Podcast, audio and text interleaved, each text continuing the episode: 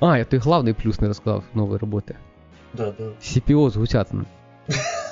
Е, Який тісний маленький світ. Ну, а це. я, я, я, в цей- я в цей момент поняв, що продукти хорошо працюють. Е, до- до- Досвід, який передався з е, компресійних станцій. Е, ні, ні, ні, ні, ні. ну, от, е, на пару років мене старший буквально. От. Просто вчив математику в правильних людей вдома. От.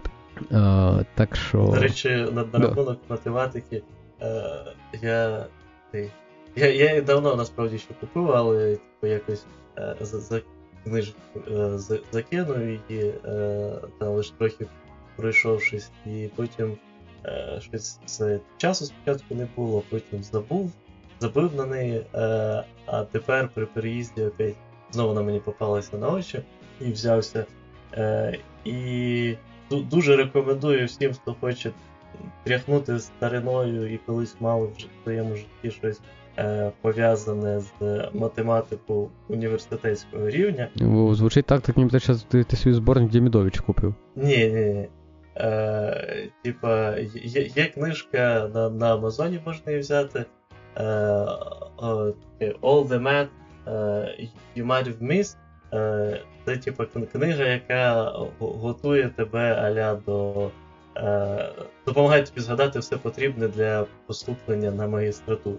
От, але як людина з математичною з математичною освітою, скажу, що там досить багато тем, наприклад, цікавих, які на матфаці е, просто тупо скіпались.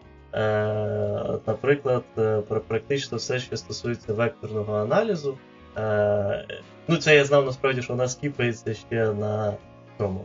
Е, ще, ще, коли вчився на матфаці, тому що я тоді розмовляв трохи з людьми з фізфаку і е, це, дивився математику, яку вони вчать, і зрозумів, що дуже багато з того, що вони там вчили іменно якраз по векторному аналізу і пізніше по тензорному аналізу, то у нас взагалі нічого не було. Якщо по векторному, то я, от, наприклад, пам'ятаю, що у нас на матаналізі була одна лекція, де ми просто, типу, такі, окей, дивіться, є якби, якби векторний простір, да, для нього теж можна застосовувати всі ці методи, які ми робили, да, там О, появляються в нас такі- вроді б, ну, одна й та сама кафедра у нас матаналізу вчила, але в, мене векторний аналіз довше викладався. Е, То у мене не було взагалі такого предмету, як векторний аналіз. ні, типа, це був це було часть метаналізу, ну це типа ну не одна пара, ми типа десь четвер вчили векторний аналіз. Е, тому що у тебе спеціальність іначе. Я, я був чесний математики чомусь. Тобто практики у нас, наприклад, взагалі ніякої не було. Е, це єдине, що з практики, е, я, я, згадав, у мене з практики трохи попалося оцього е, векторного аналізу, коли ми.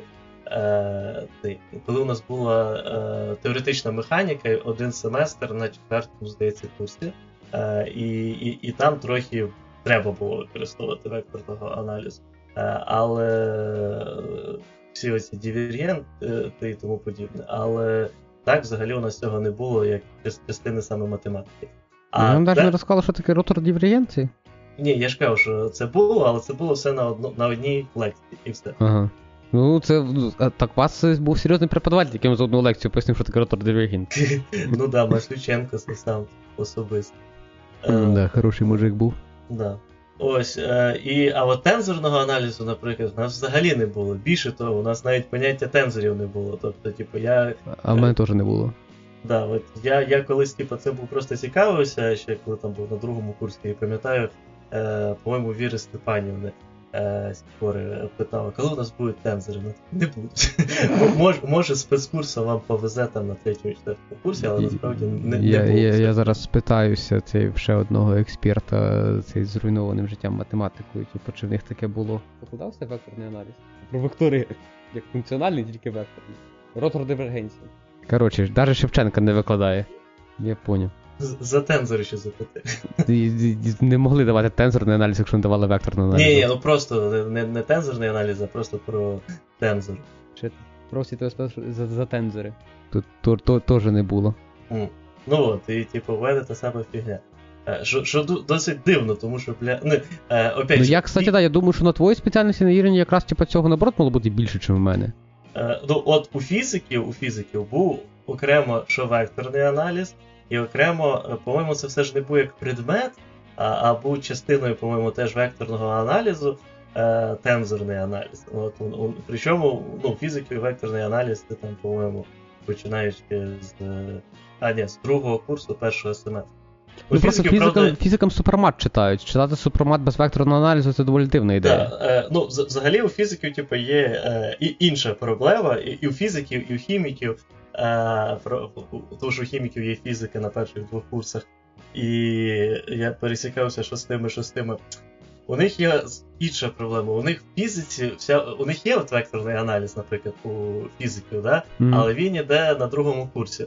Ну, як мінімум, ЧНУ. А, у хіміків взагалі векторного аналізу нема. Проблема в тому, що що у фізиків. Sorry, що... Я я, це, я не то, щоб це. Я покажу, що напевно тупим, а нахера хімікам векторний аналіз, їм же супромат не дають. Що? Тому що в фізиці векторний аналіз потрібен починаючи з е, звичайної механіки. Там е, градієнти, ротори, дивергенція, це все е, є практично з самого початку. Ну, як мінімум, е, дивергент там є просто скрізь. бідні діти. Тобто їм 17 років прям ротором дивергенції в голову? Да, да, да. Але причому у них це просто, типу, їм дають фізику, де це вже використовується, але при цьому вони ще це на математиці не вчили. Тому я. Е, спер... У мене... А хімікам нахера, sorry, моє питання було нахера хімікам. А, тому що у них фізика теж є два курси. А фізика їм нахера? Ну, дивись, е, у мене, типу, у мене один з моїх е, хороших друзів, хімік, який. Ну і тут тебе закінчились інтернети, походу. Прям так суттєво закінчились. Ти мене чуєш? Е, да, ти почав розказувати про хорошого друга, я зробив навіть гіпотезу, коли це Бодя, так що давай. Да, далі. Да. От, е, типа, він закінчив хімію хімфак спочатку, а потім на магістратурі він е, вчився половину часу е, типа, по обміну за кордоном, і там насправді він більше займався е, тим, що зв'язано з фізикою. І зараз аспірантура у нього, по суті, вже числиться як по фізичній спеціалізації. Е, тому. Е, фізика, скажімо так, допомагає е, хімікам в багатьох аспектах mm, майбутнього. Okay. Е, Ось, але у них от проблема в тому, що фізика починає з першого курсу, математика у них е, дуже-дуже в такому е, короткому вигляді е, подається і починається, понятне діло, з лінійної алгебри і аналітичної геометрії. При цьому з фізики у них там практично відразу починається всяка фігня з похідними, з інтегралами і тому подібне, а це у них починається лише в другому семестрі вже. І то нормально розкривається в е, першому семестрі другого курсу на математику. І тому у них все дуже проблематично і хріново. Я понял. Кстати, раз ми вже говорили за освіту, я ж тут підотожу одну цікаву думку, яку я почув недавно, і підемо до основної теми. Mm. Коротше, е, я поняв, що. Ну, я не поняв, я почув думку, яка пояснює мені, чому сфера освіти страждає взагалі глобально по всьому світу. Да, я тут, е, напевне, тут не в курсі. Я розкажу етап, який я прийшов, типу, е, типу, освіта в мене фігня. Освіта в Україні, окрім п'яти вузів, фігня. Чекай, чекай, чекай, на, на, назви цей, хоч один з тих п'яти вузів. Е, ні, ні, я... ще, дай дай я далі продовжу. От, е, Освіта в цілому в Україні фігня, і потім я доходжу до мислі, що в цілому по світу освіта фігня. Угу. От. І недавно я поняв мисль, що так. Тому що в освіті нема місця, куди стремитися всім. Типа, е, в багатьох сферах е, є е, якесь типа, місце або географічне, або номінальне, до якого ти, як типа, представник цієї сфери, типа, можеш стремитися, і от коли ти будеш там, там будуть якби е, величезний зріст дуже розумних людей з цієї сфери. Типа, якщо ти працюєш в ІТ, е, ти можеш там стати там L5, 8, 12, 25 інженером в якійсь компанії, де там центральний офіс там в Кремній долині, і там туситися в цьому ком'юніті, і в тебе буде там величезний зріст розумних людей. Там, Якщо ти, не знаю, там, згаданий сам супромат, да, ти якби їдеш в Торіщо, да, ну, коротше, да, ти їдеш в Торіщо, і, типу, там в тебе буде, скоріш все, величезне ком'юніті і величезний зріст дуже розумних людей в супроматі. Якщо ти там займаєшся машинобудуванням, ти їдеш в Сільверстоун, і там в тебе теж зріз коротше, величезних е, розумних людей в машинобудуванні. Мм. От, Тому що ці місця, вони якось, типу, якщо там фізик, ти там стремишся до Нобелівської премії і, типу, теж будеш мати доступ до багатьох людей, типу, які там супер розумні в твоїй сфері. І в освіті нема такого місця. Нема, типу, того святого Граля, куди, типу, всі, хто працюють в сфері, типу, стрімляться і на це рівняються. А ти маєш на, на, на увазі саме в плані е, педагогіки, тобто, е, щоб ти був в сфері самих крутих педагогів і. Да, да, да, в плані, типу, освіти, як типу, сфера, яка типу, вирощує наступних людей, да, да. Ну я не впевнений, що я з тобою погоджуюсь, типа, в цьому плані, тому що да, немає якоїсь от, от, от, от такої чисто зафіксованої сфери, але тут навіть, наприклад, з фізиками ти теж е, схитрив, тому що ти сказав за Нобелівську премію, але Нобелівська премія це все ж е, не, не, не порівняння з тим, що ти для інших професій прочитав. Для фізиків є там ну, багато різноманітних що компаній, що університетів, е, лабораторій і прочі, куди ти можеш попасти, де будуть лише кращі з кращих і, типу, тобі до того йти. А якщо брати за освіту, то е, знову ж таки, типу, то, куди ти можеш намагатися попасти, це якісь е, найкращі університети, давати вибіркові, опять же, е, лекції, на які буде збиратися нереальна кількість народу, тому що будуть знати тебе. От, Наприклад, людина-фізик, яка відома в першу чергу не чи, ну, Я, чесно кажучи, у нього там, наскільки пам'ятаю, фізичні заслуги були непогані. Але я думаю, в більшості світу він все ж відомий в першу чергу як педагог. Це професор Фейнман.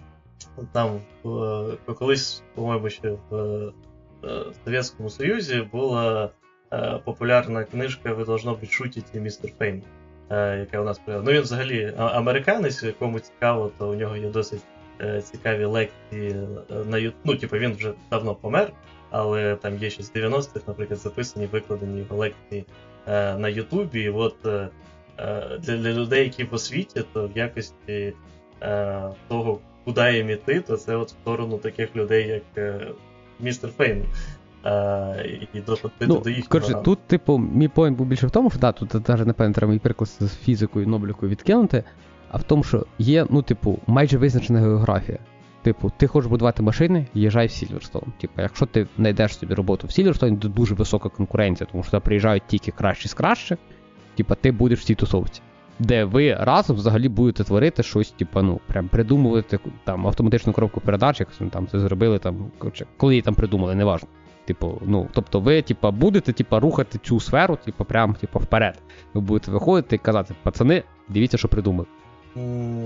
Ну, Для людей в плані освіти, то, е, такої географії я би сказав викладання в Оксфорді, в Гарварді, в MIT, ну, в залежності теж від спеціальності. Тобто, якщо там, е, опять же, знову ж таки, фізика, якась хімія, да, MIT, е, Гарвард, якщо там у тебе, наприклад, лінгвістика, тому подібне, то той же Гарвард, Оксфорд, вже MIT, напевно, поменше підходить.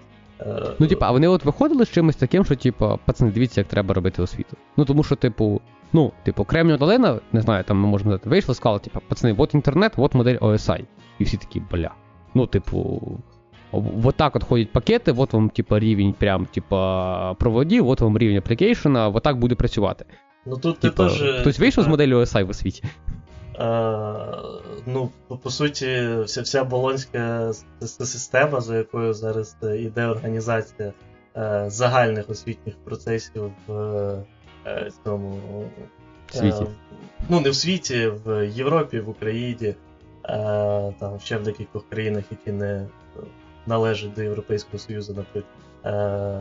То цю систему також розробляли конкретні люди з цього з Болоні. І ну, це як приклад інтернету. Але інтернет, наприклад, так само він ж започатковувався, по суті, більше е, як мілітаристський проект. Uh, і пізніше вже uh, розростався по під ну, на, набував масового характеру і приймалися. Коли він був як мілітаристський проект, типу OSI ще не пахло. Ну, чесно кажучи, я не знаю, хто придумав конкретно OSI, але тут більше, як на мене, не суть не в тому, що е, тут тут тільки суть не тільки в тому для OSI, наприклад, що його придумали найкраще. Його придумали е, перші з тих людей, е, які до цього дотягнулися. Тому що, е, знову ж таки, якщо б зараз була якась технологія аля як інтернет нова, е, придумалась, то теж знову ж таки, можливо, якщо там зробити якийсь універсальний тест для того, який ти крутий спеціаліст там в якійсь конкретній сфері, в цій сфері от є щось нове, але як інтернет, е, то скоріше за все, люди, які придумують, це будуть не ті люди, ну, якийсь стандарт для того, це будуть не ті люди, які мають найвищі е, ті, е, бали по цьому тесту, які тестують в їхній сфері, а ті люди, які будуть в правильний час, в правильному місці, да, скоріше за все, вони будуть одні з тих, хто будуть серед е, там 5% найкращих. Е, але це теж не факт.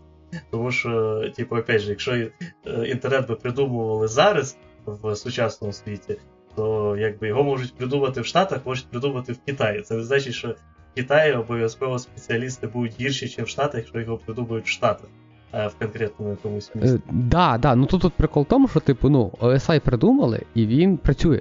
Ну, типу, з ним не було проблем. Ну, типу, були, але, типа. Коротше, да, були, і інтернет, да, нестабільна штука, але Типу, ну, в общем, в чертах, в общем, ну, типа, воно не викликало ніякого, типа, ну, типу, воно не зробило проблеми Millennium. Типу, а інтернет мігрував, типу, ну, з типу, RG11 на RG45 взагалі спокійно, типу, відкинувши, типу, ну, типу, збільшивши спроможність, тобто, ну, типу, зроблено було окей. Типа, да? А, Але при цьому, ну, типу, ми знаємо про проблему Millennium, типу, ну, коли типу, хлопці, які писали перші біоси, ну явно, типу, підтопили, да, з кількістю цифр, які вони під рік відвели. Угу. От, Тобто, е, тобто я б сказав, що там все-таки в деяких прикладах ми бачимо, що там не просто люди, які стояли рядом. Типу, в деяких прикладах видно, да, люди, які стояли рядом, тому що ну, ідіот, який поставив дві цифри на рік, типу, ну. Не, ну я тут теж... Йому, йому повезло там бути, я думаю, а не а не він сверхмозок. Е, ну, ну, е, типа, теж я. Тобто я я, я, я не спеціаліст по SI, тому мені важко е, судити, наскільки Е, круто чи не круто саме там е, продумано, і наскільки легко чи нелегко було би там вистрілити собі в ногу, е, чи, наприклад, наскільки можна було би простіше чи краще зробити на даний момент. Тобто я не, ніколи не не участвую і не читав дискусії на цю тему, тому і говорити про неї нічого не можу. Але е, типа, мені чужда сама ідея того, що якщо щось зроблено добре, то це обов'язково означає, що це зроблено найкращими людьми, а якщо щось зроблено типу, погано, то ну або з не, не обов'язково навіть погано, а так нормально, але з деякими проблемами, про які відразу не додумались, е, то це зроблено обов'язково типу, людьми, які набагато менш кваліфіковані. Тому що це повністю е, відрізає, наприклад, аспекти е, того, яка була на той момент присутня, наприклад, інформація в кожному з проєктів, які порівнюються. Е, яка, е, е, які були, наприклад, обмеження по часу, які були роздуми про те, для чого це взагалі робить. Тобто дуже важко брати два абсолютно різні проекти. Отак абстрактно і порівнювати їх, тому що оце коли ти береш в абстракт щось і відриваєш від контексту. В деяких випадках це може бути е, нормальне рішення, для оцінки, але в багатьох випадках контекст дуже важливий. І... Каже, ти не читаєш її дебілами? Я не вважаю, що у мене достатня цей, е, кваліфікованість, е, що з OSI, що з біосом для того, щоб розсуждати взагалі вони дебіли чи ні. Тобто, так само, як я. Ну, Ти наприклад... маєш зробити як інші люди в інтернетах, прислухатись до думки, хто говорить якимись термінами. В даному випадку це я. Ну, ну Люди натупили. Лайк лайк тобі під цим твітом. От, е, Але ну, взагалі, коротше, повертаючись до першої тези з е, освітою, то ну, як на мене, то все ж людям в освіті є до чого стрімитися. В першу чергу, наприклад, е, будь-яка людина, яка дійсно в освіті і палає е, певним е, типу, бажанням тут е, продвигатися, то я думаю, у цієї людини повинна е, горіти також бажання виправити, наприклад, теперішні помилки і відповідно рости в цьому напрямку. Тут же Типу, от е, ці всі е, географічні круги, про які ти казав, які е, легко попасти. Е, ну, це зараз легко попасти, але насправді, типу, в, в, в історії е, там найкращі фізики, найкращі хіміки, математики і проче, вони не, не завжди далеко е, тусувалися в одних і тих самих місцях. Причому часто, якщо тусувалися, там особливо 17-18 столітті це зазвичай було те, що вони приходили в одну і ту саму кафешку. Але до цього основним, ну і до сих пір, основний стандартний спосіб е, змагатися з географією це листування. І воно працює, наскільки я знаю, і на даний момент в е, цих більш високих штабелях будь-якого напрямку. Mm-hmm. І тому освітяни, наприклад, якщо взяти когось е, з України, який то палає, наприклад, бажанням, але вони це бажання, наприклад, змінити саме освіту в Україні, а тобто не обов'язково географічно мігрувати в той же Оксфорд, чи Гарвард, чи MIT, чи куди завгодно, там інший Калтех і так далі. То це не обов'язково означає, що ця людина буде відірвана від вищих штабелів. Тому що якщо ця людина працює е, над собою, і це відповідно означає, що вона публікує різноманітні дослідження, статті, е, беручи, наприклад, за основу просто Україну. Е, то інші люди з тих же ж Оксфордів, Гарвардів і так далі, які теж на цьому помішані і постійно працюють, вони будуть е, бачити ці статті, виловлювати їх, і, вони якісні, встановлювати контакти. І тому такий ремоут, якому просто декілька тисяч років. Ну, okay, я пам'ятаю, да, да. Ну, make sense, make sense. Окей. Так. Але за, за освіту, до речі.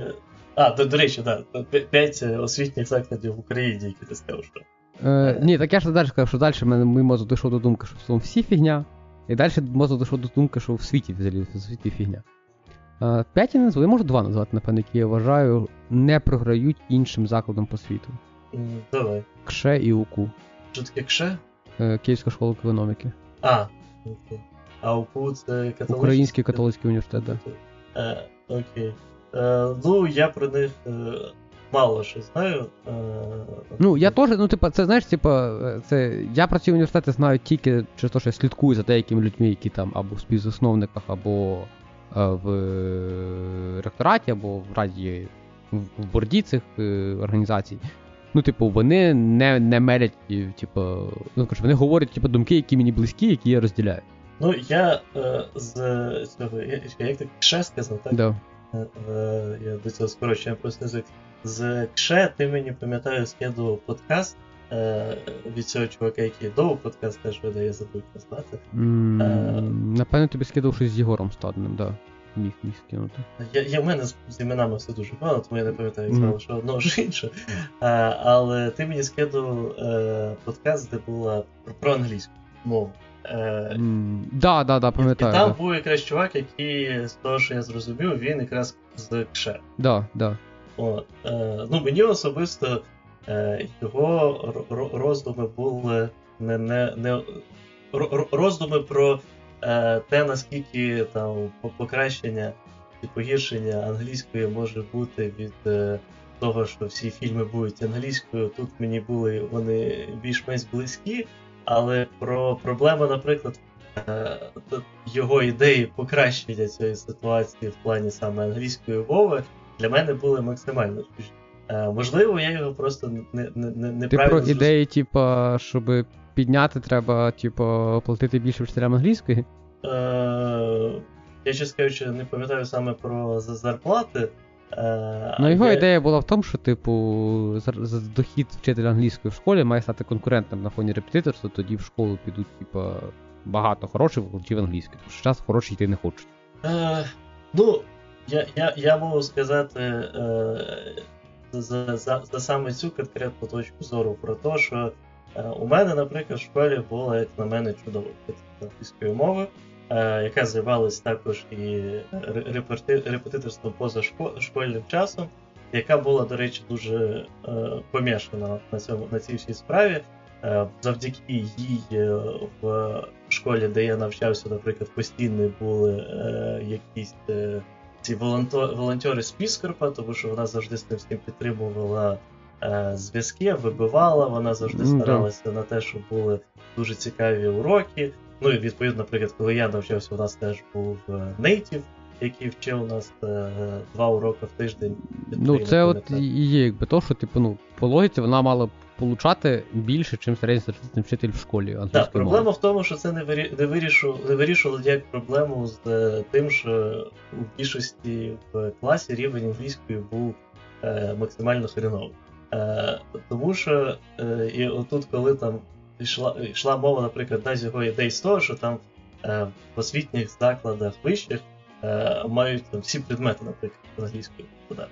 Е, і як на мене, ось така боротьба, коли люди, які приходять в е, вищий навчальний заклад і так близько до нульової е, англійської е, попадають в цей заклад, і там англійської йде відразу дофіга, яка очікує, що у тебе там рівень, ну як мінімум B1, mm-hmm. от, а там у людей ну, А1 з натяжкою. Mm-hmm. Е, то Е, типа, я я не бачу, як з цього може вирости хоч е, щось на типа. Тебе з інтернету в новій квартирі, все окей, ти пропадаєш. А я думаю, що ти мене так не перебиваєш взагалі. Ну, це тебе мало не практика набагато раніше. А я ще це, я подумав, може, тебе щось глобальне сталося. Бачу, телеграм, типу, теж не читаєш, думаю. Окей, да. Я я, я, я щось в цю в, в лекцію, лекційний режим пішов. До тебе була приємна публіка? Так так задоволено слухав. Да, Ти говорив, що тобі не подобається в е, Єгор. Ой, бляха, муха, це так далеко. Я залишив в подкасті тишину, щоб люди розуміли, скільки я чекав. Давай виріжемо, я подивлюся. 5 хвилин. Е, Так, окей. Е, А про, про про, про, що я останнє сказав, що мені не подобається? Що тобі, що що в тебе в школі була така от англійська, і що ідея викладати вищих, типу, все англійською повна фігня. Е, Да, типу, про, е, я, я, я от казав його описував, типу, тут опять же треба вірити мені на слово, що в мене була чудова вчителька англійської, але тим не менше, думаю, тих пару прикладів, які я навів, е, ну і при цьому. Ну, на рівні Куцької школи це прекрасний викладач англійської. Я в Вижницькій, ну, да, це Вижницька гімназія. Ось, але при цьому, е, що я казав, я казав те, що е, при цьому в мене в класі все одно була куча людей, які ну, е, ні A, ні B, ні C на англійській сказати нормально не могли. Тому що одна з великих проблем це те, що ну, школи зазвичай там перший-четвертий клас у тебе є одна вчителька, п'ятий клас ти переходиш до іншої вчительки. І, е... Але з англійською теж так було? У нас англійську, по-моєму, саме саме ну, типу, англійська і музика, і фізкультура це все були інші викладачі. Е, ні, е, в перший четвертий клас, да, англійська, музика і фізкультура і інші вчителі. А, е, але це типу не та вчитель англійської, я поняв. Так, да, да, да, але в п'ятому класі з інший. Mm-hmm. Е, І відповідно, е, а я вчився ще й в гімназії, тому там взагалі повністю все по-інакше, тому що в п'ятий клас лише ти поступаєш. Але mm-hmm. раніше ти туди попасти не можеш. Е, і відповідно в п'ятий клас діти вже приходять дуже різними. Е, я взагалі з, з тих, хто вважає, що для більшості населення, ну, типу, понятне діло, з поправкою на те, що є різноманітні е, захворювання, проблеми, різноманітності теж розвитку. Але в цілому, якщо людина отримує достатню кількість певної інформації, Е, то вона може е, прогресувати по шкалі, скажімо так, академічної е, успішності і знань дуже високо. От. Ти про те, що типу, у нас якби де юри є можливість типу, да, пропустити клас, але де-факто і вона відсутня. Типу нема типу, простого процесу, як би ти міг, типу, здаваючи якісь екзамени, пропускати якісь, типу. Ні, тут тут я не не, не про пропуск більше школи, а класів, а про те, якраз що це, цей пропуск стається у більшості дітей хочеш ти цього чи не хочеш, просто не якраз не не, де юре, а де-факто в тому плані, що. Е, там... На якісь предмети люди забувають, які розуміють, що. Е, навіть не то, що обов'язково забувають. От починаючи там е, з першого четвертого класу, да, там може бути хріновий викладач. Може бути те, що е, дитина налякана, дитина була не готова. У, Навіть на початок першого класу ну, діти приходять дуже різноманітні. Деяких дітей вони, типу, я приходив в перший клас, я вмів читати. От, Я приходив в перший клас, у мене одна з улюблених книг була це книга Логіка для дітей, де я сидів собі і рішав е, ці задачки по логіці. Але деякі мої однокласники не вміли читати на момент цього першого класу. Тобто mm-hmm. у них перший клас йшов на те, щоб навчитись читати. це вже просто нереальна е, Да, нереальна да, да. різниця е, на, на, на старт такий. От. До п'ятого класу ця різниця ще більше зазвичай е, розширяється, тому що у нас насправді е, наша програма ніяк не розрахована на те, що люди, що, що, що діти приходять різних рівнів. Тобто на п'ятий Да. клас вважається, що е, ти маєш знати все, що було ну, в попередніх чотирьох. І е, якщо ти приходиш в п'ятий клас і ти там застряв на рівні другого чи третього класу, а нові знання тр- потребують від тебе е, типу, знань того, що було в четвертому класі е, нормальних, е, то ти не зможеш нормально прогресувати. І зазвичай починається оцей е, додатковий період стагнації, де Да, Е, я, ді- я, я тільки поправлю. Е, Тут опять же, типа, де юре, наша система це розрахована. Тебе де юре можуть лишити на ще один рік. Типу, якщо ти не усвоїв урок, типа року. Ну, типу, і ще раз ти, типу, тоді, ну, по, ну, типу, якщо ми подивимося, як би це мало бути типу, по бумагах, то ну, типу, ти не засвоїв матеріал математики 4 класу, відповідно, ну там, там і ще там якихось предметів, да, відповідно, тебе там не переведуть там в наступний клас, доки ти нормально засвоїш, для того, що ти в п'ятому класі міг вже нормально засвоїти матеріал п'ятого класу. Просто ми тут спираємося в що, по, що по бумагі і що по факту. Ну да. Ось. І е, причому, е, типа, от оцей е, період розриву, е, де дитина е, перестає нормально сприймати певну інформацію, може відбутися е, в будь-який період, тому особливо, до речі, в більш старших класах. Е, тому що тут я, наприклад, сказав, що п'ятий клас приходить з різним рівнем. Ну, наприклад, візьмемо там дітей, які в п'ятий клас прийшли з рівнем на, на п'ятий клас, і йдуть собі в цілому е, нормально по програмі. Але, типу, по-перше, стається життя, тобто там е, проблеми в сім'ї, фінансові проблеми, е, підросткові гормони, де в тебе типу, є одне навчання е, в голові і тому подібне. Причому ну, тут теж якби у, різних людей по-різному буває, тому що у деяких кришу зносить, а деяким взагалі по барабану. Е, і, типу, пропускається так восьмий клас. Ну, не де юри пропускається, тобто дитина ходить, але по факту вона нічого е, нормально не вивчає, тому що у неї зараз думки інше. І в 9 класі вона вже не готова до інформації, яка приходить в 9 класі. Е, і коли говориться про те, коли у нас дуже низький рівень англійської, про те, що в універі, наприклад, е, е, починалися всі предмети англійською мовою, або більшість предметів англійською мовою, то це зразу ігнорує проблему з тим, що більшість людей, які приходять в універ, щоб отримати певну спеціальність, яка не зв'язана з англійською мовою, наприклад, взагалі не знають англійської мови. І тому, як би вони не хотіли, як би вони мотивовані не були, раптово вони її до рівня того, щоб зрозуміти лекції, не вивчать моментально ніяк. Тому, як Я на мене, понял. одна з головних речей, яку б, якщо починати з універів, яку може універ зробити, це якраз почати ділити людей по рівню англійської. Я, я не підтримую вашу ідею. Тому що, е, якщо ми говоримо про те, що ми робимо щось на краще, то е, університет не має вчити професії, типа програміста, ну, типа, чи інших любих виробничих професій. Університет має вчити ну, не виробничі професії. І е, ну, типа, нема смислу йти в те, що, типу, в класичному розумінні світі мається, типу, на увазі, типу, бакалаврат. Типу, в момент, коли типу, ти не можеш типу, зрозуміти, ну там даже, ну, типу, я не кажу там все, але коли ти, ну, типу, рівень англійський не такий, щоб зрозуміти якусь лекцію, ну, типу, можливо, це типу, не ті люди, яким треба йти в університет прям. Можливо, це цим людям треба йти на спеціальності, на хороші спеціальності, не знаю, типу там столера, програміста, whatever, е, в то, що готує виробничі професії. Ну, в цьому випадку якраз програмісту треба англійську мову, а в університеті, ну тобто, якщо добре, це просто ти від е, іншу, е, скажімо так, can of worms відкрив. Е, Да, да, Е. ну, типу, я, типу, я розумію, що типу, я типу, крию проблему, типу, тим, що є типу, інша проблема. Е, Але, да, ні, ну, просто, типу, Прикол що типу, програмісти і мають в коледжі, типу, ну, довчити до якогось там рівня, до якого там там коледж, ПТУ, whatever. Е, типу, до того рівня, до який треба там програмісту. Або не довчити, якщо він типу, не довчить. відкрити, що у нас зазвичай зараз відбувається. Ну, Тобі треба спочатку, бо ти тільки зараз появився. Давай якось закруглятися, ти щось дуже сьогодні пропадаєш. Зроби на новій квартирі хороший інтернет. У мене це є план.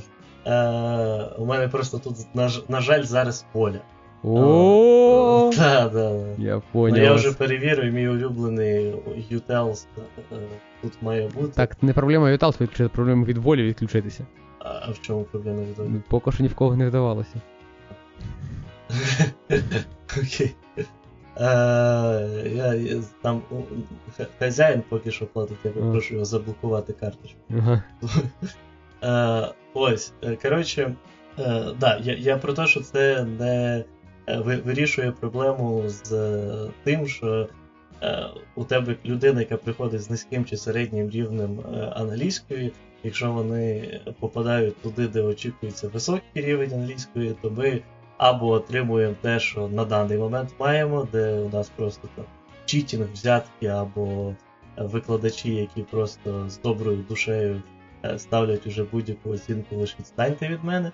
Е, або це буде система, де типу, людей е, виганяють з університетів, що в цілому, ну або там ПТУ, як як називає службу mm. при, при цих розділеннях. Що в цілому, якби варіант але я не впевнений, те, що це найкращий варіант, особливо в теперішній ситуації, де просто це попадеться тоді більшість людей на те, що їх просто прийдеться виганяти. Е, тому, ну, що, Коли ж треба. Е, ну, то Тоді буде проблема з тим, що просто у людей не, не, немає можливості отримати ніякого освіту. Тому що навіть якщо брати типу, програмістів, то теж не кожному потрібно англійське. Наприклад, на нашій у колишній роботі англійська не була потрібна взагалі ніяк. Е, ну там для базового якогось читання технічної освіти. Ну насправді навіть оця теж відмазка, що як мінімум для технічної освіти, технічної документації. Мені здається, це не то, що для чого прям треба якийсь рівень. Да, плюс враховуючи те, що на даний момент е, перекладачі працюють досить якісно. Влаштовані. да. Я думаю, що якщо ти візьмеш Android, ну, типа developers, Android.com чи як він там закинеш якийсь DeepL, то це буде доволі внятно. У мене єдиний напряг, не знаю, можна хтось вже пофіксити в якомусь продукті з перекладачами, бо я їх часто юзаю. Через те, що в мене якраз тут типу, не супер рівень, далеко не типу, ти. А є слова, які я хотів, щоб він не перекладав. Типа, ну, не, типу, коли там йде якийсь там кусок техдокументації, да? І ти її фігачуєш там, чи екстеншеном в свій браузер, типу, перекладаєш, чи кудись копіпастиш, там є, типу, не знаю, там, що то там, бла-бла-бла, Kotlin Unit не треба мені юніт перекладати. Ну, типа, його треба лишити оригінальною мовою. От, е, чи там, там, ну ти, ти поняв, про яку проблему я говорю, так? Ну, да, да. Тобто там є слова, які е, я б хотів, щоб залишились в оригіналі. Е, І прикол в тому, що я просто навіть думав, що ну блін, ми зараз візьмемо там, знаєш, там якийсь набор кейвордів і типу закинемо, типу якось там я відсічу, там бла-бла-бла, скажу DPL ну, по API, що це не перекладає, і буде щастя. А. Не працює. Бо в якийсь момент вже не entity, а сутність. І воно, коротше, опять кудись, типу, не туди пішло. Типу, і і воно, коротше, напрягає. Напрягає воно, коли ти перекладачем користуєшся. Набагато частіше, просто коли ти там якесь слово не вдупляєш, типу, закинути іменно його і цей, е, і перекласти, і зрозуміти контекст, так як ти його розумів, коли читав до того англійський текст. Тому що якщо ти просто візьмеш там два абзаци тексту і закинеш, там буде от маса от таких от тонких місць, і воно, коротше, дуже сильно парить. Ну да, ну тут тут уже потрібно щось більше для чат ГПТ. До речі, про чат ГПТ я, мені недавно потрібно було щось е, е, певну річ написати українською мовою. Mm. Я його попросив. Я насправді був е, розчарований трохи. Я чат ГПТ, чесно кажучи, раніше українською особою не пробував розмовляти, там тільки лише перших, перші тести, а після того в основному тільки англійською.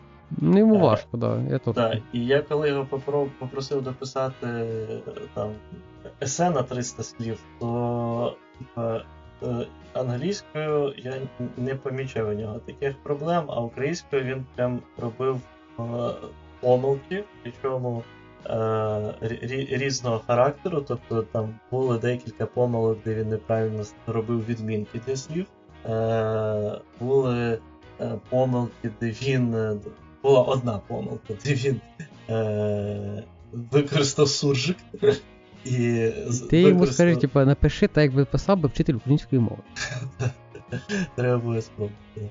От, е, ну, ну, коротше, українською йому ще треба буде покращуватись. Хоча я теж пам'ятаю, що всі кажуть, що 5GPT 3 е, почав сильно купити, тому можливо це ще буде. А тебе не платний GPT? Немає четвертий? Мені поки що він не настільки потрібен. Вже може mm. на, на на, роботу влаштуюсь тоді. Ну так, да, я ж я якраз цей ваш етап прийшов. Ні, я ще до того прикупив собі, але. Не. Mm. Так от, до речі, Ще коли ми працювали разом. е, е, за, за, за, за освіту, е, щоб закінчити, у мене особливо, особисто моя мрія для освіти. Е, Це е, те, щоб у нас, е, особливо в шкільній освіті, е, була кардинальна зміна. Я, я повністю її уявити поки що не, не, не можу. Ну і це не моє. Мені здається, мене Міносвіти прослуховує, Ні, бо все це воля кабель. і їм не подобається. Це, це звіздець, блін, вроді проблем ніяких е, пару днів до цього. А тут як нас Я думаю, ти просто не сидів полтора часа, типу, в лайві. може. Ой, жах, ладно. Ну і плюс, типу, ми по пір-ту-піру общаємося, а волі кабель з пір-ту-пір прям дуже погано, Ну, по моєму досвіду. Ну, я на наступний раз, е, якщо не встигну щось змінити на UTELS, е, то використаю мобільний інтернет, може він буде речі. М. От, е, ну, коротше, да, е, я, я казав про те, що в, в ідеальному вигляді я це для себе бачу як е, систему, е, де можна е, кожен предмет окремо фейлити, тобто аля, як зараз в Штатах ти можеш. Е, тебе є багато опціональних предметів, ти можеш їх брати. Е, я от не обов'язково кажу про те, що всі мають бути опціональні, але будь-який ти можеш зафейлити і, типа, е, проходити ще раз. І тобто, якщо ти, наприклад, не пройшов математику 4, то ти не можеш брати Взяти- математику 5. Да, математику 5, а фізику 1, так. Да. При цьому, ясне діло, е, типу, основна якби, проблема цієї моєї ідеальної системи для мене в тому, що. Люди. Що що? Люди. Е, ну, в, то, в тому, що, опять же, е, ситуація з тим, як я раніше згадував про Радянський Союз не розвалиться, е, і про норми, е, про те, що моя система має в собі ідею того, що е, ти собі школу 18 закінчив, і якщо ти застряв на математика 4, ну це твоя проблема. Ти маєш можливість е, продовжувати типу, навчатись. Е, тобто, якщо хочеш там, ходи далі, получай надалі освіту, проходи математику 5, 6, 7, але типа, держава тебе не зобов'язує закінчити математику 9, щоб закінчити школу. М, да. Я... В мене подібна ідея, але я починав би ще з простішого. Це спрощення предметів, спрощення того, що викладають. Тому що, коротше, взяти викладачів якоїсь там, не знаю, школи, де більшість викладачів сумлінно викладає свій предмет. Мгм. І заставити їх чесно виписати, скільки реально треба часу, щоб зробити ото самоопрацювання, яке дається, зробити оті домашні, які здається, скільки от реально треба часу, там, дитині от дійсно от такого віку. Е, Просто в багатьох вчителів така проблема є, тому треба це якось віддільно попрацювати, щоб листають там відповідь на питання Junior Android розробник. І там щось там якесь питання, і там не суть яке питання, не суть яка відповідь, там, типу, це по аналогії, як в Java, отак, от якась типу, тема Kotlin. Я думаю, ну в якому це, блядь, світі сучасний Junior Android розробник, який от, ну, не рік людини досвіду, ну, має отак от відповідати на це питання. Типу, там згадали щось типу Unity, Void, щось таке, він там, типу, Unity, це як Java Void, і далі щось там розказує. Я думаю, ну, типу, ну, типу, як так сталося, що ця людина, ну, типу, яка приходить в Android розробку там джуном, типу, отак от відповідає. Думаю, ну що це за ідіотизм? От. І така сама проблема буде з викладачами, які, типу, будуть очевидно необ'єктивно оцінювати, типу, там, дитину сьомого класу, якщо вони не є достатньо професіоналами. Або там, ну коротше. І ти збираєш їх і реально заставляєш їх виписати, скільки часу треба на те, щоб їх предмет, типу, там, не знаю, якщо там хімія, не знаю, там два уроки в тиждень, там домашні завдання там такі-то і такі-то, і там, щоб викладач написав, що да, на опрацювання цього уроку вдома треба ще годину, а на написання там домашки по, по цьому цьому треба ще там, там 30 хвилин. Ну, от.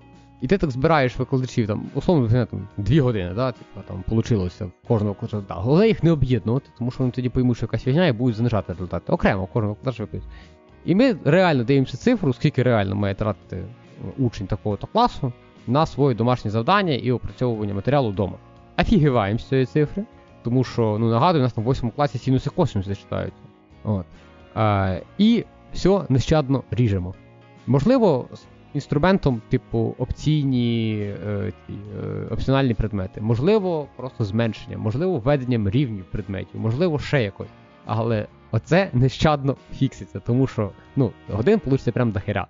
При розчоті, що там, не знаю, в 8 класі приблизно 15 предметів, От, і там треба 2 години на кожен, плюс е, час навчання, плюс якісь секції. Ну, типа, ти все, що робиш, то тільки е, вчишся всі предмети, за умови, що ти типа, реально вчиш всі предмети. Для мене було великим шоком, коли я після 9 класу перейшов на перший курс коледжа. Я приходив додому раніше, до пар готувався менше. От, чим це все в школі. Е, Ну, я я, я тут наполовину з тобою погоджуюсь. Е, типу, Я погоджуюсь з тим, що за, за дофіга е, годин на це все йде е, у сучасного школяра. Е, я єдине, що не зовсім погоджуюсь, це е, то, що треба різати самі предмети, е, типу в плані складності. Тут мені здається, проблема саме в тому в кількості предметів. Е, І я в цілому за те, щоб у людини була можливість е, вибирати е, опціональні предмети досить швидко. Е, Я зараз кажу дуже непопулярну думку на рахунок всяких хімії, фізики та далі. Біології. Я за те, що е, такий суперпочатковий рівень ознайомчий е, має бути обов'язковий. На, лі, на рівні має... предмету я і світ. Так, да, да, да, там займати максимум там, півроку, і типу, ти в будь-який момент свого своїх 11 років навчання чи 12 Е, ну там починаючи з 5-6, наприклад, можеш взяти цей предмет, і якщо тобі сподобалось, ти вважаєш це круто, ти маєш, ти маєш можливість йти далі. Да, я я, я, я, я скажу ще більш непопулярну думку, особливо в деяких кругах, особливо в тих кругах, від яких я виріс. Е, предмет математика після рахування площі прямокутника і таблички множення, а можливо навіть без. Ну, коротше, цей. Ну, коротше, тригонометрія не потрібна. Типа, От моя, моя, моя мисль. Обов'язковим предметом в школі. Ну, я я би, можливо, тригонометрію не то, що повністю виконав, але на, на дуже базовому рівні її включив в один з обов'язкових, ну, типу, на рівні просто того, що щоб людям розказали, що така штука існує, щоб у дітей була хоча б приблизна приблизна уява, що якщо їм от подобається математика, і вони хочуть йти на е, далі да, предмети. Я знаю, як це пофіксити по-другому без оцього. Коротше, помімо того, що в школі має викладатися предмети як такові, а це була коротше, спроба зробити в моїй школі один раз, по-моєму, що це було. Я навіть не пам'ятаю, в якому це класі було, але нас повели по тому, де працюють наші батьки. І вони там щось розказували, чим вони тут займаються. Е, То, як це було організовано, це було жесть, е, це і покраще так робити. Но е, має приходити в школу, не знаю, там по четвергах, там по черзі професіонали різних великих категорій, і на пару з якимось викладачом розказувати, що ви потенційно куди далі можете порухатись. Типа, тобто ж це і це має бути теж опціональна штука. Типа, от е, не треба, типа, ну, щоб діти знали, що існує синус. В цілому, без знання того, що існує синус, в житті можна вижити. Не, ну е, можна вижити, але тут яка це, типа, просто як Е, От як я кажу, що має бути щось, там, що розкаже приблизно, що таке біологія, що таке хімія, що таке фізика. От цінності для мене як розказати, що таке математика надалі.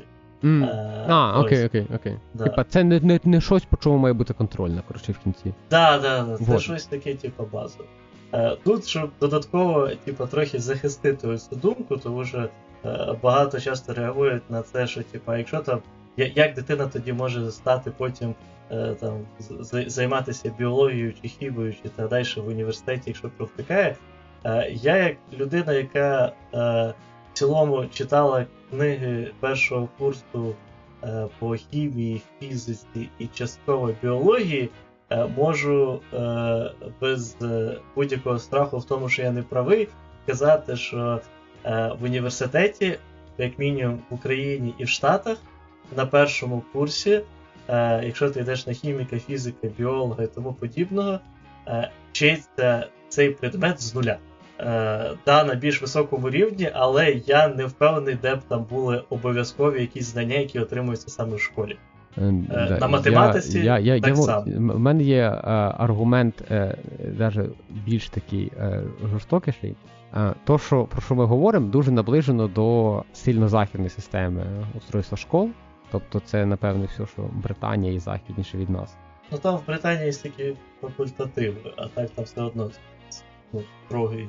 Ну я так типу, це в основному до штатів, ну я ж так Британію взяв, типу, і ну те, що в них є типу, така, типу, можливість, типу, flexible зробити це.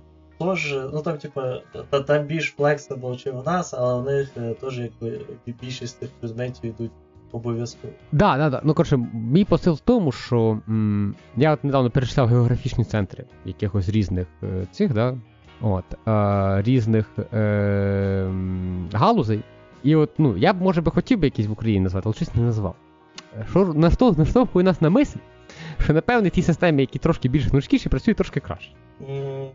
Теж, до речі, не, не, не обов'язково, тому що, опять же, більшість будуть в Штатах, але е, Ні, загальні... ну, типу, то саме Торіші, це далеко не штат.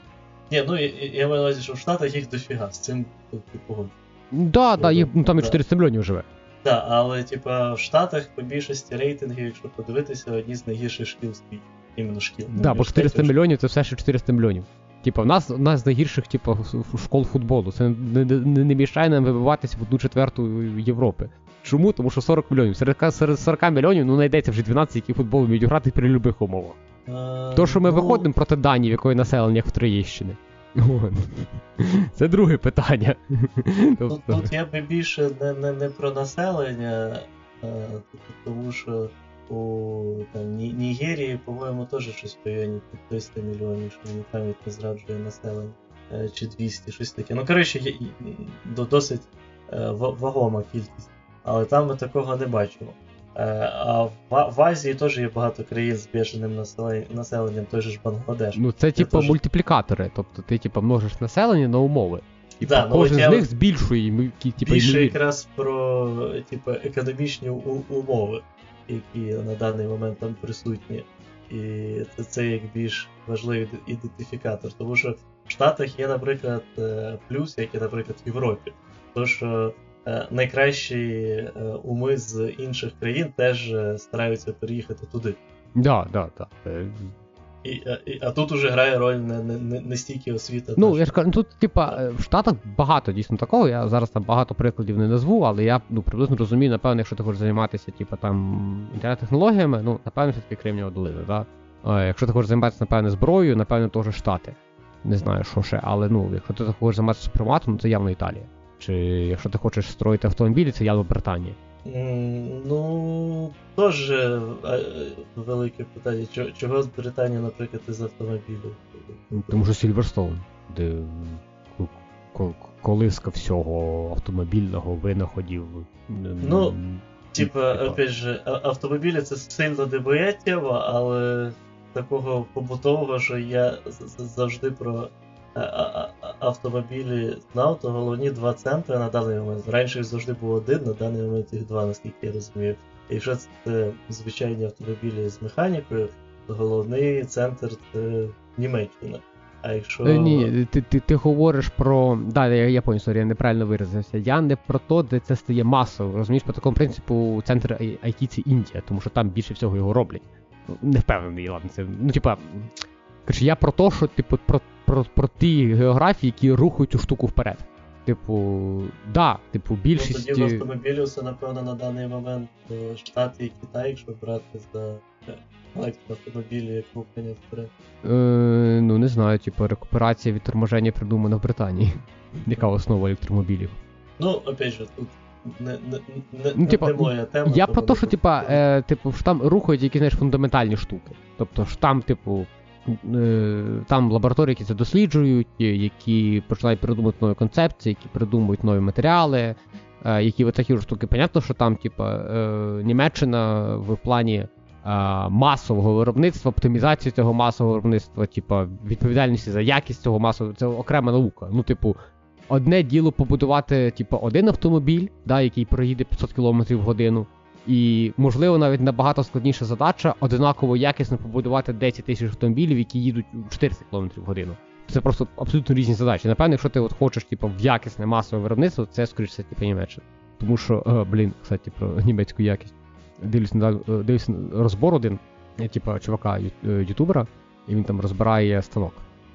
Е, Він його і розбирає, і там, типу, мов, типу, він такий, о, типу, мотор Siemens, типу, це типу, штука, яка буде працювати. От, а в цей момент на кадрі, типу, це шильдик цього мотора, і там, типу, там завод Siemens такий-то такий, типу, 1937 рік.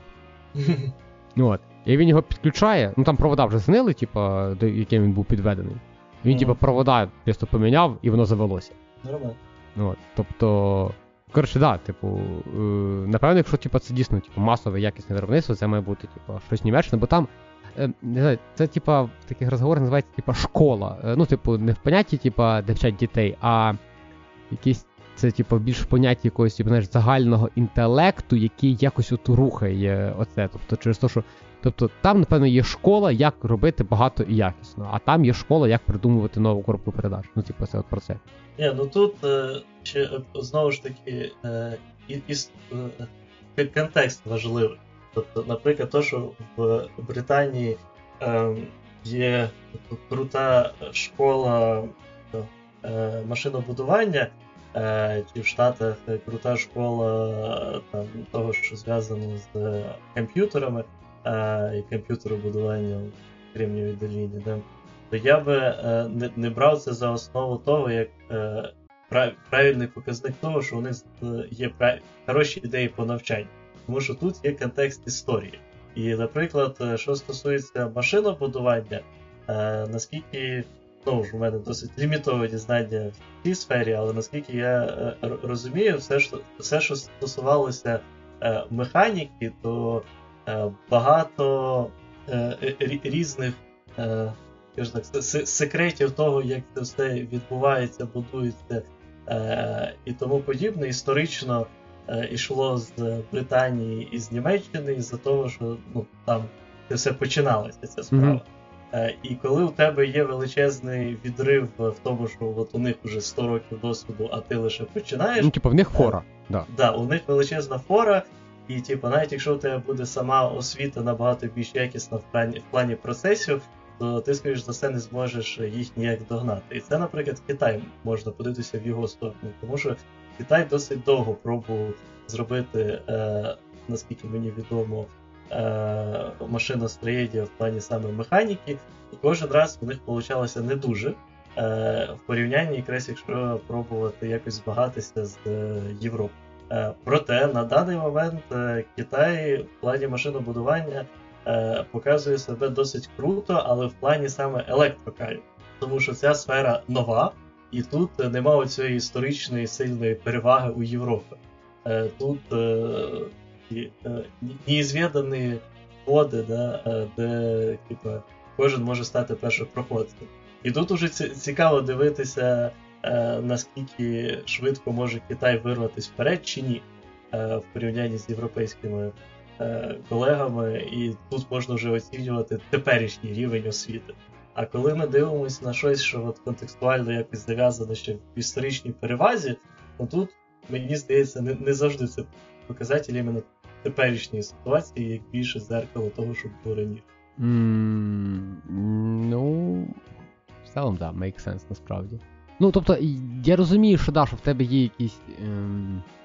Ну, коротше, ти не можеш пертися в танк в цьому, типу, станко, станкобудуванні, будівництво станків. Ну, коротше, ти не можеш пропертися проти Італії. Ну, ну не можеш, тому що ну, хлопці вже 200 років роблять станки. І, типу, якщо ти зараз почнеш робити, ну в тебе, типу, мінус 200 років від них. От, І вони вже, типу, знають, як, типу, ну, чи, типу, коли вже йде, типу, що-то, типу, в розрізі століть, то там вже все підготовлено для цього. Тобто вони вже не просто навчились якісно робити щось. Вони вже навчились якісно робити людей, які в майбутньому це якісно будуть робити. Це знаєш, як передача корони в Британії. Mm. Типа, королівська сім'я не просто вміє носити корону, вона вміє виховувати самого народження дітей, які потім будуть носити корону. Ну, тут, до речі, Часто дає збоя, але не суть. Ну, типу. Я я лише кажу, що тут навіть не обов'язково століття повинні бути присутні, тому що, опять же, можна взяти Китай, наприклад, і чіпи. Е, і Китай вкидує просто нереальну кількість тому грошей. що це нова штука, розумієш, там типа ніхто не мав такого такого запасу в 200 років. Ні, так я навпаки якраз кажу, що Китай не може е, догнати е, захід в плані чіпів на даний момент, іменно в плані е, того, щоб робити настільки ж мощні круті чіпи, при тому, що Китай вкладує, ну, по-моєму, на даний момент е, остання п'ятирічка там вкладений буквально трильйон доларів. Блін. Е, і... Короче, навіть не 100 років, да? Типа, навіть набагато да, менше, да, і да. типа ти, ти типа, програєш. Да. Mm, ну да, да, я понял. Я просто зараз якраз е, дивився того чувака один, і він собі купив е, ш- е, типу шліфовку велику. Мгм. От, е, і я тут почав гуглити, що він чекав, мені стало цікаво, типу, е, в оригіналі читається Фаворіто. Я відкриваю, типу, завод, який це робить, і типу, завод це робить, типу, з 29-го року. Мгм. От. І. Ну, типа, я розумію, що ну, типа, не може завтра появитись конкурент. Тому що. І це, типа, завод в одному місті, теж в Італії, е, типу, е, там же ж університет при цьому заводі, типа. Типу, для того, щоб вивчати нові матеріали, ну, типу, щоб займатися якимись типу, знаєш, там, складними речима в плані е, будівництва, е, кілька ПТУ, е, не, називається не ПТУ, але ну, типа, коротше, кілька людей, які будуть готувати для цього там заводу там відносно професійні професії. Е, і оце от все. І ну, типу, це, це типу, замкнутий цикл, знаєш, типу, круг замкнувся. От. І він там, типа, розбирає цей, типа, цей верстат повністю. І, типа, там, коротше, все, окрім кількох реле від Siemens, типа, все інше італійське. От. І, типа, це означає, що, типу, ну, і, тип, це там пару років, і буде 100 років, як вони роблять, типа, шліфовочну групу. І в них вже, значить, є все, типу, вони вже даже, ну, типу, вони знають, як вирости наступне покоління людей, які, типу, будуть робити цей продукт. Типу, доки буде актуальний. Мгм. Да, з таким важко конкурувати. Е, типу, да, і. Ну і ти розумієш, це, це там, типа, така то група станків. Ну, типа, там вряд ли щось, типа, знаєш, там концептуально поміняється. Мгм. Коротше, тому, не знаю, типу, е, мені здається, що знаєш, просто є сфери, типу, якщо ти типу, навіть міняєш типу, освіту своєї країни, е, є сфери, на які лучше вже не орієнтувати. Ну, типа, не будеш ти конкурентом, е, типу. Ну, враховуючи, освіта це штука, яка, знаєш, має дуже довгу перспективу. Тобто, у тебе дуже доволі довгий фідбек-лук. Тобі треба е, щось зробити і подивитися через 30 років, що сталося. Ну, тут, тут, до речі, ти от кажеш про те, що е, типа, треба дивитися, щоб не конкурувати, наприклад, в тій-то тій-то сфері, тому що так нічого не вийде. Але, е, скажімо так, тут, тут у тебе теж по погляд е, людини, яка е, е, народилась майже у 2000-х, от, в кінці 90-х. Е, Це як я сьогодні бачив е, мем про те, що е, там е, е, чоловік 2003 року народження е, там здійснив. е, А, і- як я бачу затримання Да, да, чоловіка да. 2003 року народження. Да, там ма- маленька дитина така. Ой, І- це і- знаєш, як це. Вибачте, я не продав алкоголь, типу, чому вам не 18, я 2005 року народження. ну. От, е, так ось, коротше, я до того, що е, ти на це дивишся як людина, яка на- на- народилась в 97-му році, і е, типа, бачиш світ такий більш е, глобалізований, нормальний для нас тепер. Е, проте це все може досить швидко змінити. Ну і ми на даний момент насправді вже років останніх 15 бачимо те, що світ і так змінюється в цьому плані, і все більше країн вибирають більш ізоляційну політику. Е, і в таких ситуаціях, коли глобалізація потрохи починає ламатися, е, то, то часто держави приходять до ідей, що е, краще хріновеньке, але своє, е, щоб мати на всякий пожертв. Ну, ну, є ну, речі, які, типу, да, лучше по такому принципу робити, согласен. Да, от, наприклад, Теперішня ситуація в Україні показується. Да. Е, Індія, наприклад, на даний момент е, сильно вкладається в е, автопром. Угу. Е, типу, їхні автомобілі, ну, явно будь-який, хто на них подивиться, без сльоз дивитися важко. Угу. Е, проте він потрохи росте за допомогою там різних економічних рішень. Я точно не пам'ятаю, вони, по-моєму, ввели, що, до речі, не, не, завжди найкраще рішення, але тим не менше, ввели дуже великі е, податки на е, покупку закордонного, закордонних автомобілів, тим самим е, їхні автомобілі стають набагато більш привабливі, е, хоч продаються ре- реально за ту же ціну, просто без тих податків. Ну, в Україні це не помогло. Е, я, ну, я з кожним роком Жигулів бачу все менше і менше. Ну, е, хоча робиться в Запоріжжі. ну, е, І, і ПДВ на автомобіль на 40%, по-моєму.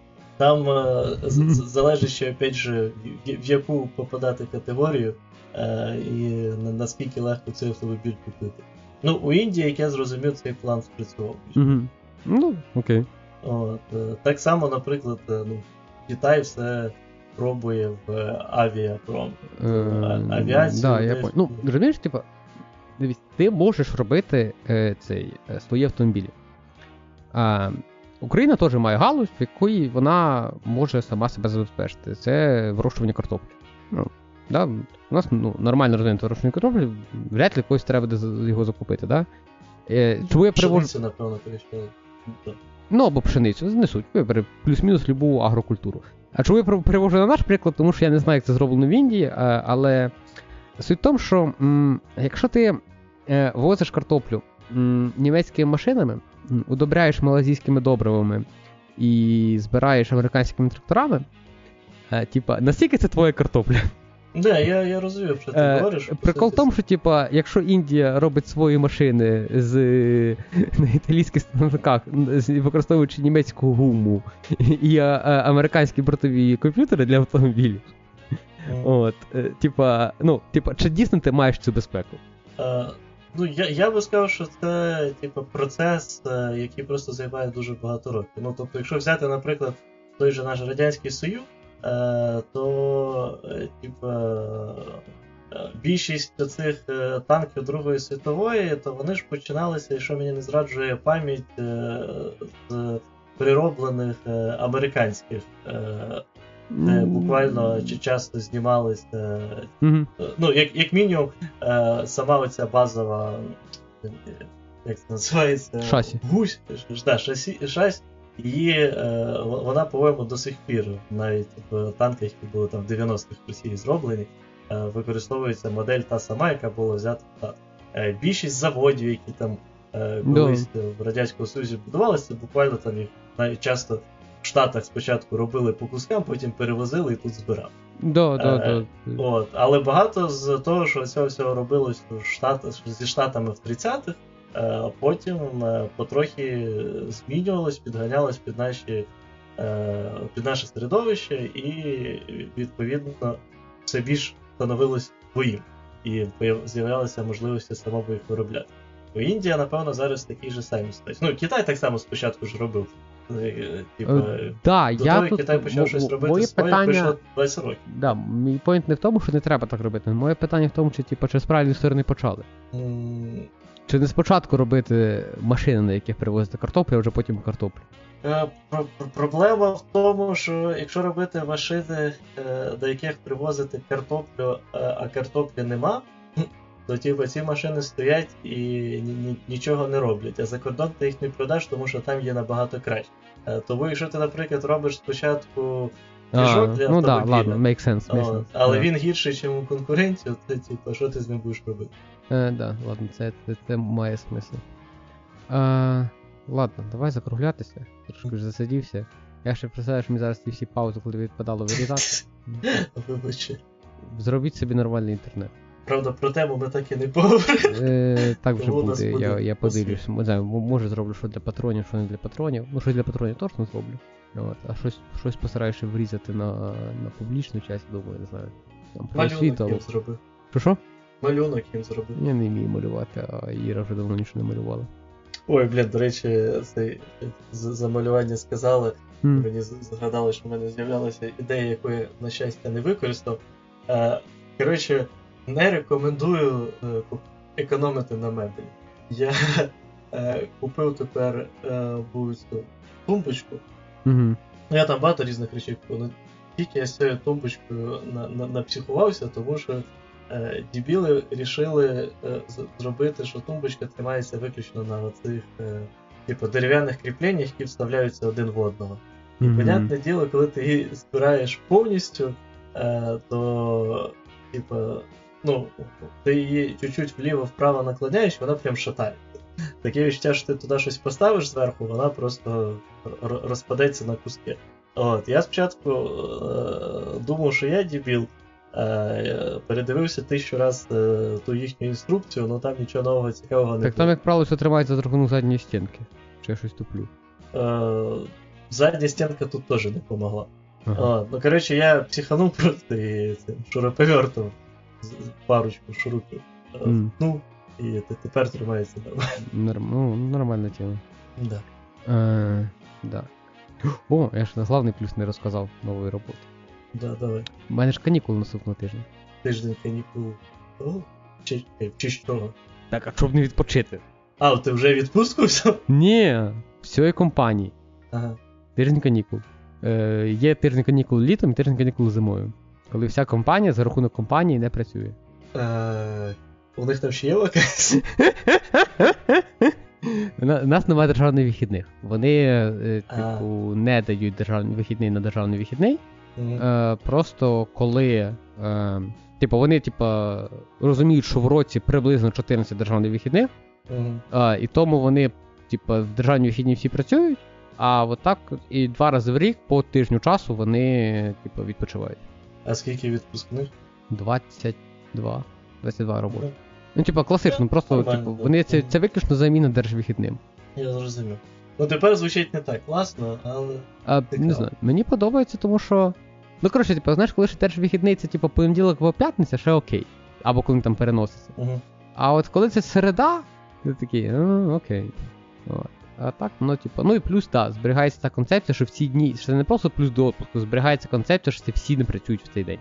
Угу. Е, да, так що. І зарплату виплачують з 25 по 3, по-моєму, якось так. Е, Мгм. Типа, тобто. До того, як в тебе йдуть всі розходи, знаєш, там оплата квартири, комунальних, ще якоїсь такої фігні. Угу. От, і, а от зараз видали зарплату перед канікулами даже. От, і мені в четвер прийшла вже зарплата за перший місяць. Хоча я з 7 серпня працюю. А, прикольно. Да. Е, В моїй ситуації це прям зарішало. Долари не поміняв. Е, блін, що ти розумів, я трохи доларів поміняв. А, Е, я був. Е, я скажу. Да, я був штуку баксів продав. Ну, це я більше хотів себе просто чуть безпечніше почувати. Ну, Е, да. Ну і. А так то да. Ще прийшли продати, щоб кредитку перекрити, але якраз прийшла зарплата, і такі так, шук-шук туди-сюди, типу, і нормально. ну. Е, добренько, у тебе ще є якісь но- но- новини хороші? Е, Та ні. Цей, Коли Рекомендую Болдер. Е, Окей. Е, А, ні, я в майн знову засів. Е, Олег деколи заходить. Мгм. М? Що- Олег там, кстати, розказував щось цікавого, що там відбувається. Е, Роблять редизайн. Ну, більше нічого. Їм то, йому то нічого не казали. Є якісь шанси України? Е, а, блін, я після останніх новин ще не спілкувався. Ну, я думаю, що це мертва тема. Це. е, Враховуючи, що там щось розглянули, далі закрили, то я сьогодні знову бачив якісь новини, то я думаю, що. Е, Ну, Давай. давай, пока. Пока.